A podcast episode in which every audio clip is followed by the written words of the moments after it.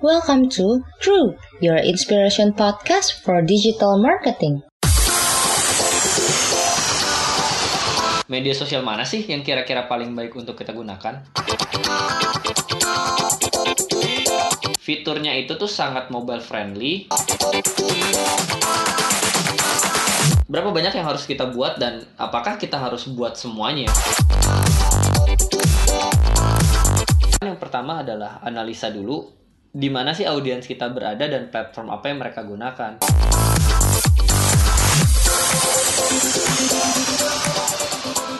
Selamat datang di Podcast Crew episode 18. Balik lagi bareng gue Fadlan as your host. Buat kalian yang baru main pertama kali ke sini, selamat datang di podcast yang membahas tentang digital marketing, bisnis, dan hal terkait di dalamnya.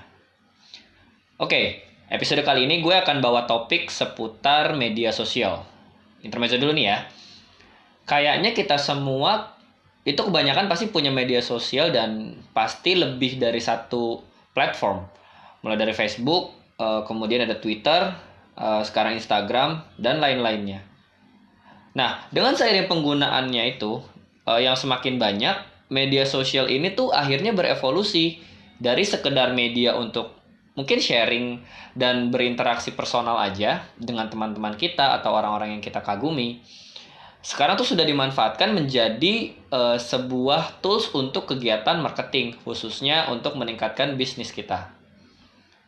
Tapi dengan terbatasnya waktu yang kita miliki, apalagi untuk bisnis rintisan atau startup, agak sulit sih buat uh, mereka kalau mau berada di semua platform secara kita aja yang personal account itu agak sulit memanage semua account apalagi untuk kegiatan bisnis.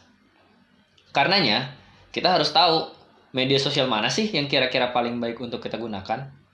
Mau tahu jawabannya? Yuk kita obrolin di segmen pertama.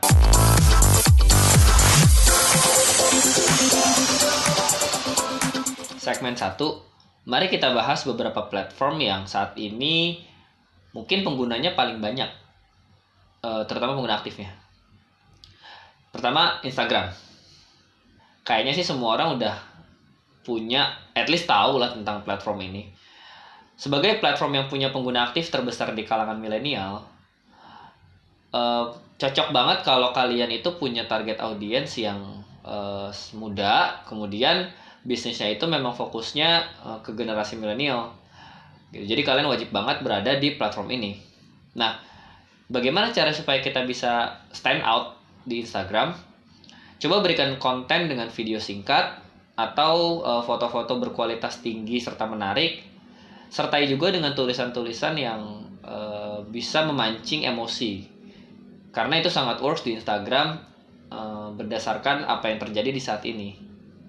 Ah, media sosial ini juga terintegrasi dengan Facebook dan Twitter jadi, konten-konten yang kita kasih di Instagram itu juga bisa didistribusikan ke berbagai platform dalam satu kali langkah. Satu lagi kelebihannya, fiturnya itu tuh sangat mobile friendly dibandingkan dengan platform-platform lain yang menggunakan, yang menggunakan PC supaya lebih enak kayak Facebook atau harus ditonton dalam bentuk landscape kayak YouTube. Gitu. Jadi uh, sangat mobile friendly dan memang cocok digunakan oleh orang-orang milenial yang sangat uh, friendly dengan mobile phone seperti itu. Oke itu tentang Instagram. Sekarang kita masuk ke Facebook sebagai salah satu platform yang pastinya paling lengkap dan juga tertua dibandingkan dengan media-media sosial yang lain. Kalau bisa kita bilang bahwa semua fitur yang ditawarkan di berbagai media sosial itu punya atau bisa diberikan oleh Facebook gitu. Nah, Facebook ini tuh sangat cocok untuk menyasar komunitas lewat fitur fan fanpage atau grup uh, grup fitur. Uh, dan juga lebih cocok di kalau tadi Instagram ke generasi milenial, kalau Facebook mungkin ke generasi-generasi early adapter pas teknologi baru muncul ya. Karena disinyalir juga memang mereka lebih nyaman menggunakannya dibandingkan media seperti Instagram. Oh ya satu lagi, Facebook juga sangat baik digunakan jika kita ingin melakukan uh, paid promote atau promosi berbayar lewat Facebook Ads. Itu tentang Facebook. Sekarang ketiga, kita berbicara masalah Twitter. Twitter itu identik dengan media yang fokus pada kata-kata yang dirangkai menjadi sebuah kalimat yang terbatas. Mungkin sekitar 280 karakter ya. Kalau dulu 140 tapi kayaknya sekarang udah bisa lebih sebenarnya tuh eh, media sosial ini bisa menampilkan gambar tapi memang sifatnya itu lebih ke link. Dan ya memang Twitter itu adalah identik dengan kalimat-kalimat singkat gitu. Dan kekuatannya itu benar-benar di tulisan biasanya eh, Twitter itu akan rame dengan reaksi atau komentar akan suatu hal yang baru saja terjadi misalkan eh, terjadi suatu peristiwa pembunuhan biasanya tuh orang-orang akan bereaksi di Twitter. Atau terjadi suatu masalah dari public figure gitu. Dan karena ini media eh, sosialnya punya banyak pengguna dan tingkat komentar atau reaksinya sangat tinggi maka media sosial Twitter itu jadi salah satu media yang paling punya tingkat engagement yang tinggi eh, di di search engine gitu. Jadi kalau misalkan kita punya Twitter dan tingkat engagementnya bagus, biasanya dia akan masuk ke halaman pertama di Google. Nah, dengan keterbatasan karakter yang e, dimiliki e, dibandingkan dengan media sosial lainnya, justru membuat konten-konten yang muncul itu tuh jadi kreatif, simple dan mudah dimengerti karena kan e, kata-katanya terbatas. Jadi harus gimana caranya dengan 280 karakter e, bisa mencakup apa yang mau kita sampaikan. Kecuali kalau mau bikin thread Oh iya, selain itu juga paling mudah uh, untuk di-share dengan fitur retweet atau share karena cuma sekedar retweet and we can share uh, tweetan orang seperti itu. Nah, yang terakhir media sosial itu ada yang bernama LinkedIn. Mungkin kalau orang-orang profesional ini sangat familiar. Karena sederhananya, LinkedIn itu adalah media sosial yang dibuat secara formal dan untuk profesional ya bisa dianggap sebagai resume dari profil seseorang untuk masuk ke dunia profesional atau dunia kerja seperti itu. Nah biasanya perusahaan-perusahaan atau brand yang menggunakan uh, LinkedIn ini tuh bisa saling berinteraksi atau memberikan informasi mengenai perusahaan kepada pengguna lain atau untuk mencari kandidat-kandidat uh, untuk menjadi karyawannya atau employee-nya. Karena itu uh, enaknya LinkedIn sih bener-bener insightful banget, bener-bener terkait dengan profesional atau soft skill dan jarang punya akun spamming. Apalagi head head account seperti uh, propaganda di media-media sosial yang lain. Itu kelebihan LinkedIn. Sebenarnya sih masih ada dua platform yang mau dibahas tapi uh, sifatnya sih lebih ke konten platform ya daripada media sosial. Dan karena ini lebih cek udah cukup panjang ya pembahasannya jadi kita masukin aja di segmen selanjutnya so kita masuk ke segmen kedua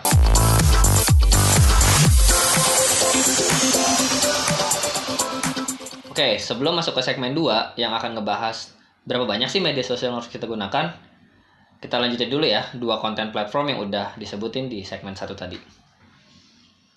Yang pertama adalah YouTube.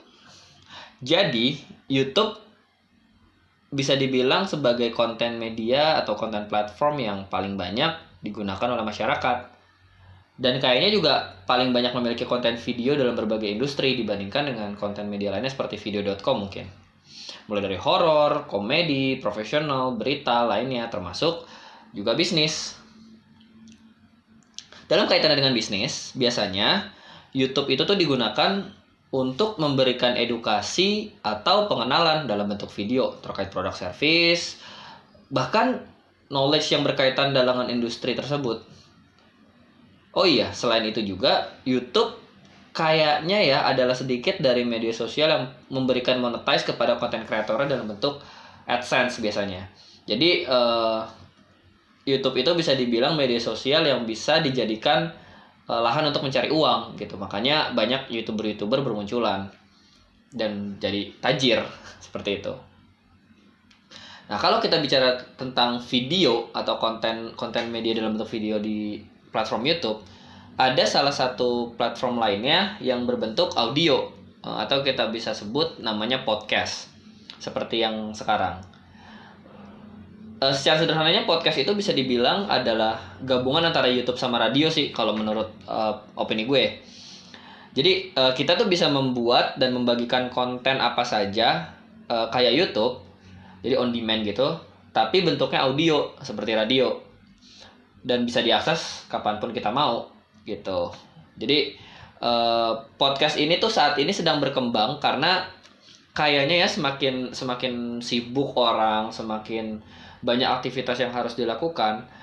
Um, sometimes media video seperti YouTube itu tuh membutuhkan attention dan uh, effort yang lebih banyak karena kita nggak cuma harus dengerin tapi juga harus ngeliat bahkan uh, terkadang kita harus membiarkan YouTube itu uh, terbuka gitu. Kalau kita buka aplikasi lain YouTube-nya bisa mati. Tapi podcast ini tuh bisa memberikan keleluasaan.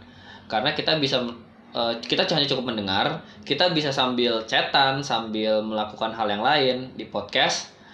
Dan medium audio itu tuh jadi terasa lebih personal karena uh, didengarkannya itu biasanya tuh sambil uh, melakukan kegiatan yang lain seperti misalkan di kereta nyetir uh, kemudian uh, sebelum tidur ngerjain tugas. Akhirnya tuh ini membuat environment seolah pesan yang disampaikan lewat audio itu ditujukan kepada kita secara pribadi. Seolah-olah tuh kayak lagi ngobrol dan cuma bicara sama kita. Uh, podcast crew mencoba untuk seperti itu. Uh, makanya sifatnya ini lebih kayak ngobrol dibandingkan dengan uh, lecturing atau semacam kayak ngasih tutorial bla bla bla bla bla gitu makanya bahasanya lebih santai Nah, dari semua yang udah dijelaskan, kita kembali ke permasalahan di segmen kedua yang mau kita bahas. Berapa banyak yang harus kita buat dan apakah kita harus buat semuanya gitu. Nah, dalam kebanyakan study case atau uh, yang sudah ada saat ini uh, bisa dibilang bahwa setidaknya kita harus punya 2 sampai 3 platform media sosial termasuk di dalamnya konten platform tadi. Karena uh, at least kita harus bisa mempunyai dua fungsi yang disampaikan lewat media sosial tadi. Yang pertama, eh, kita bisa menggapai dan mengumpulkan audiens untuk memperkenalkan siapa sih kita.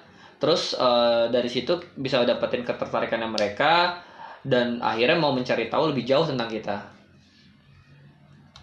Nah, biasanya media sosial seperti Instagram, eh, Facebook, Twitter itu jadi platform untuk mendapatkan hal ini Fungsi kedua uh, itu adalah untuk mendapatkan kepercayaan dan mengumpulkan orang-orang tersebut dalam satu wadah yang punya minat yang sama. Nah, kalau berbicara masalah fungsi kedua, itu lebih ke konten platform sih untuk menjadi ya, yang menjadi efektif digunakan seperti YouTube sama podcast.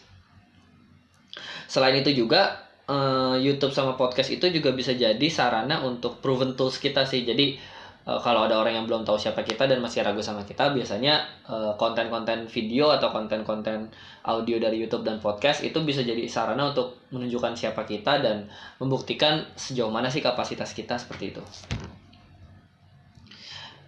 Jadi kedua hal ini harus kita dapatkan dalam platform yang kita gunakan terlepas dari berapa banyak yang harus digunakan.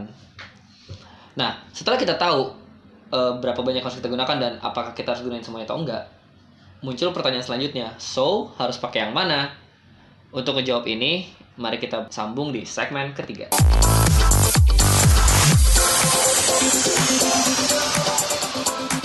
Oke, segmen tiga nih. Jadi setelah kita panjang lebar ngomongin tentang media sosial tadi, kita summary dulu kelebihan dan kekurangan tiap platform uh, based on my opinion dan apa yang sudah kita bahas. Pertama dari Instagram. Instagram itu uh, dia itu bisa create attention dan uh, sometimes bisa juga jadi kayak mini blog karena captionnya itu kan uh, bisa menggambarkan apa yang ada di gambar dan uh, captionnya itu nggak terbatas mau berapa banyak gitu dan di Instagram uh, menurut gue sih sangat butuh image yang bagus gitu. At least gambarnya itu nggak blur dan menarik perhatian. Gitu di itu di Instagram. Kalau Facebook uh, Facebook ini tuh sangat cocok banget untuk build community, uh, buat grup, buat fanbase dan menjaga supaya orang-orang yang tahu kita tuh nggak ke mana-mana dan makin tahu kita lebih jauh gitu. Bisa bisa jadi juga pelanggan-pelanggan yang udah uh, jadi pelanggan kita gitu. Makanya kalau misalkan kayak ada orang jualan training, biasanya setelah dia beli train uh, servisnya, setelah dia beli ebooknya, dimasukin tuh ke grup itu supaya dia nggak ke mana-mana. Itu Facebook dan Facebook ini nggak terlalu populer di kalangan anak muda zaman sekarang karena sifatnya yang nggak terlalu mobile friendly dibandingkan dengan Instagram. Lanjut kita bicara tentang Twitter. Kalau Twitter eh, tadi fungsinya itu atau kekuatannya itu adalah dia bisa membangun sebuah opini dan bisa ngasih reaksi sih atas apa yang terjadi uh, dalam suatu kondisi atau suatu fenomena gitu. Dan keterbatasan kata-katanya memang membuat kita nggak bisa sembarangan uh, bikin atau nulis kata-kata. Tapi justru itu yang membuat akhirnya setiap tweet yang kita keluarkan itu sangat berbobot simple dan ya akhirnya jadi kreatif gitu kemudian yang terakhir uh, dari media sosial itu ada LinkedIn. Jadi kalau LinkedIn gampangnya adalah kalau kita mau jadi profesional, kita mau berinteraksi dengan eh, orang-orang uh, atau perusahaan-perusahaan dan untuk membangun personal branding kita uh, ya pakai LinkedIn. Dan di LinkedIn itu mungkin yang agak sulitnya adalah kita harus uh, bisa menggunakan kalimat-kalimat formal dan juga uh, harus menjaga banget sih kata-kata yang kita gunakan. Nggak bisa sembarang nggak bisa sembarangan dan seenak seperti di media sosial karena ini kan terkait dengan personal branding dan hubungannya atau environmentnya yang uh, berada di dunia profesional seperti itu. Oke, uh, terkait dengan konten platform uh, kita bicara soal YouTube. Jadi kalau YouTube itu tuh masif audiens banget dan uh, target apa target audiensnya tuh bisa bener-bener uh, expand banget gitu. Jadi bisa dibilang hampir nggak bertarget sebetulnya YouTube itu karena siapa pun bisa mendengarkan dan bisa ada di recommendation gitu loh berdasarkan algoritma. Uh, kemudian juga bisa monetize langsung lewat AdSense uh, dan juga banyak peluang-peluang uh, monetize yang bisa dihasilkan dari brand dan lain-lainnya. Ya kita lihat aja deh youtuber-youtuber kan pada kaya tuh. Tapi untuk melakukan itu semua, YouTube ini jadi salah satu media sosial yang effortnya paling banyak sih karena kontennya bentuknya video terus juga harus menarik. Kemudian eh, nggak uh, sembarangan orang bisa monetize harus ada syarat-syarat yang harus dilakukan. Uh, dan juga pemainnya tuh udah banyak banget. Makanya uh, YouTube ini tuh jadi effort untuk melakukannya. Kalau pengen sukses ya masih konsisten. Nah alternatif lainnya itu tadi podcast yang bentuknya seperti audio Nah, kalau podcast ini tuh cocok banget untuk konten-konten yang sifatnya personal, sifatnya itu lebih kayak pengen ngobrol, pengen discuss, lebih ke cerita. Dan juga podcast ini gampang banget dibuatnya gitu. Kayak podcast kru aja tuh nggak um, sulit yang dibayangin oleh teman-teman semua. Ini gue cuma duduk, pakai speaker, pakai handphone, selesai. Record. Abis itu tinggal dihilangin noise-nya, ya masih dalam proses belajar sih ditambahin sampling musik jet jet jadi deh gitu. Cuma memang audiensnya nggak sebesar YouTube dan e, karena masih berkembang jadi sangat segmented sih. Tapi itu enaknya yang membuat e, kita tuh menjadi punya loyalitas fans sih karena atau loyalitas mendengar. Karena e, kalau misalnya kita bicara soal bisnis ya udah orang-orang yang dengerin bisnis pasti akan dengerin podcast kita ketika kita bicara horor ya udah uh, orang-orang yang horor ya orang-orang yang dengerin kita tuh pasti yang suka horor gitu. Beda sama YouTube yang mungkin kita bisa eh, kadang-kadang suka bias nih kadang suka keklik sendiri gitu. Atau kadang uh, karena based on recommendation aja gitu. Bukan karena tertarik tertarik banget seperti itu. Jadi itu semua ya kelebihan dan kekurangan tiap platform. Um, gue langsung bahas aja semuanya mudah-mudahan uh, dapat maksudnya kayak gimana. Oke setelah mengetahui hal ini semua yang harus kita lakukan yang pertama adalah analisa dulu di mana sih audiens kita berada dan platform apa yang mereka gunakan. Contoh, kalau misalkan kita bicara anak muda, kemudian eh, yang mobile user akan lebih bagus kalau kita pakai Instagram dibandingkan pakai Facebook. Walaupun Facebook juga bisa digunakan di uh, mobile phone gitu, tapi bentuknya itu lebih friendly dan juga uh, audiensnya itu lebih sering menggunakan Instagram untuk uh, audio audiens audiens yang menggunakan uh, handphone untuk melakukan uh, mengupload sosial media. Nah, setelah uh, kita ta kita analisa, kemudian uh, hal ini tuh yang menjadi dasar untuk menggunakan platform-platform tadi serta konten-konten apa yang uh, akan kita gunakan. Gitu. Jadi uh, oke okay, kita segmen anak muda kita dari Instagram. Anak mudanya kayak gimana? Anak mudanya mungkin yang uh, anak-anak kota oh berarti mungkin kita pakai bisa pakai bahasa gue lo. Tapi kalau misalnya di daerah mungkin pakai aku kamu atau pakai bahasa daerahnya masing-masing. Sesuai dengan uh, siapa sih target audiens kita gitu. Setelah itu semua uh, kita juga harus realistis. Kita harus bisa mencocokkan dengan kapasitas tim kita. Maksudnya gimana? Oke kita mau upload video setiap hari upload podcast setiap satu episode satu hari gitu. Tapi kita harus sadar bahwa kapasitas tim kita itu mungkin terbatas. Jadi uh, yang terpenting itu bukanlah seberapa banyak tapi seberapa baik uh, di media sosial atau di konten-konten yang kita gunakan. Yang penting adalah kita bisa ngasih konten yang berkualitas dan juga di tempat yang memang kita kuasai gitu. Jadi kalau misalnya kita uh, gue nih gue ngerasa fok, uh, strength gue ini ada di podcast gitu. Jadi ya udah gue um, lebih enak bikin konten di podcast dibandingkan dengan di YouTube. Misalkan seperti itu. Atau kalau misalkan oh uh, gue lebih suka berkomunitas nih uh, akan lebih bagus kalau misalkan pakai Facebook dibandingkan dengan Instagram gitu. Apalagi kalau misalkan target audiensnya adalah orang-orang tua seperti itu. Nah berbicara masalah uh, media sosial nggak bisa terlepas dari yang namanya funneling. Uh, funneling sendiri akan gue bahas lebih jauh uh, di episode-episode selanjutnya tapi intinya uh, buat kalian yang udah tahu funneling cara melakukan funneling yang baik menggunakan media sosial biasanya seperti ini. Pertama-tama uh, orang tuh biasanya lihat konten pendek ringan tuh di Instagram gitu. Jadi uh, biasanya ngeliat quotes, ngeliat uh, highlight-highlight konten, ngeliat inti-inti dari tips gitu. Kemudian biasanya dari Instagram ini uh, mereka pengen tahu lebih lanjut, terus akhirnya diarahin ke YouTube. Nah di YouTube tuh kayak penjelasan highlightnya uh, siapa kita, penjelasan uh, tutorialnya yang lebih lengkap, kemudian eh, hal-hal uh, yang terkait atau insight-insight yang berkaitan dengan industri yang mau kita tuju gitu atau audiens yang peng eh, konten yang mau audiens tahu. Nah setelah setelah mereka oke okay, uh, konten videonya udah kita lihat nih bagus-bagus, biasanya uh, audiens itu akan ngecek uh, profesionalitas kita itu di LinkedIn, terutama nih untuk perusahaan yang mau uh, ngecek seberapa bagus sih brand kita atau portfolio kita biasanya dia akan masuk ke LinkedIn kita. Nah that's why uh, at least punya Instagram punya YouTube punya LinkedIn gitu. Itu itu itu bisa jadi satu funneling tuh. Nah setelah akhirnya oh ternyata di LinkedIn-nya bagus nih. Biasanya akhirnya menjadi uh, konsumen kita menjadi klien kita gitu. Terutama mungkin yang personal gitu ya. Setelah uh, misalnya beli ebook udah beli service kita biasanya tuh uh, mereka akhirnya puas kalau misalnya kita bisa ngasih konten yang bagus, service yang bagus dan di situ tuh kita bisa masukin uh, mereka-mereka ini ke sebuah komunitas atau ke sebuah uh, grup Facebook gitu untuk konsultasi lebih lanjut, untuk ngobrol uh, lebih jauh dan mungkin kalau ada kerjasama yang lain bisa ngobrolin lagi di situ gitu. Jadi funnelingnya seperti itu, start dari Instagram, uh, kemudian detail penjelasannya ada di YouTube, cek uh, profesionalitas ada di LinkedIn dan setelah menjadi setelah percaya sama kita dan akhirnya menjadi klien kita kita masukkan di Facebook supaya dia nggak ke mana-mana dan supaya kita bisa terus uh, upselling upselling dan jual produk atau service kita ke mereka.